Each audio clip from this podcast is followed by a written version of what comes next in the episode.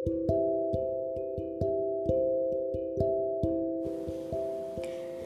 ini aku mendengar jeritan manusia yang takut tertinggal, takut tersaingi, sampai menyegerakan doa buruk untuk saudaranya, sebagaimana ia berdoa untuk mendapat kebaikan dunia. Wahai manusia, ingatkah bahwa manusia adalah pemimpin di bumi? Maka janganlah begitu, janganlah membuat kerusakan di bumi. Sesungguhnya Allah tidak menyukai orang-orang yang berbuat kerusakan. Hari ini aku melihat manusia kejar-kejaran meraih dunia, berambisi mendapat tepuk tangan yang paling meriah. Ketika tepuk tangan bukan untuk dirinya, iri memenuhi dadanya.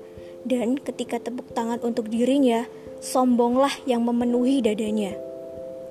Wahai manusia, yang maha tahu berkata bahwa barang siapa yang menghendaki dunia, dia akan segera mendapatkannya dan barang siapa yang menghendaki akhirat, dia akan mendapatkan keduanya.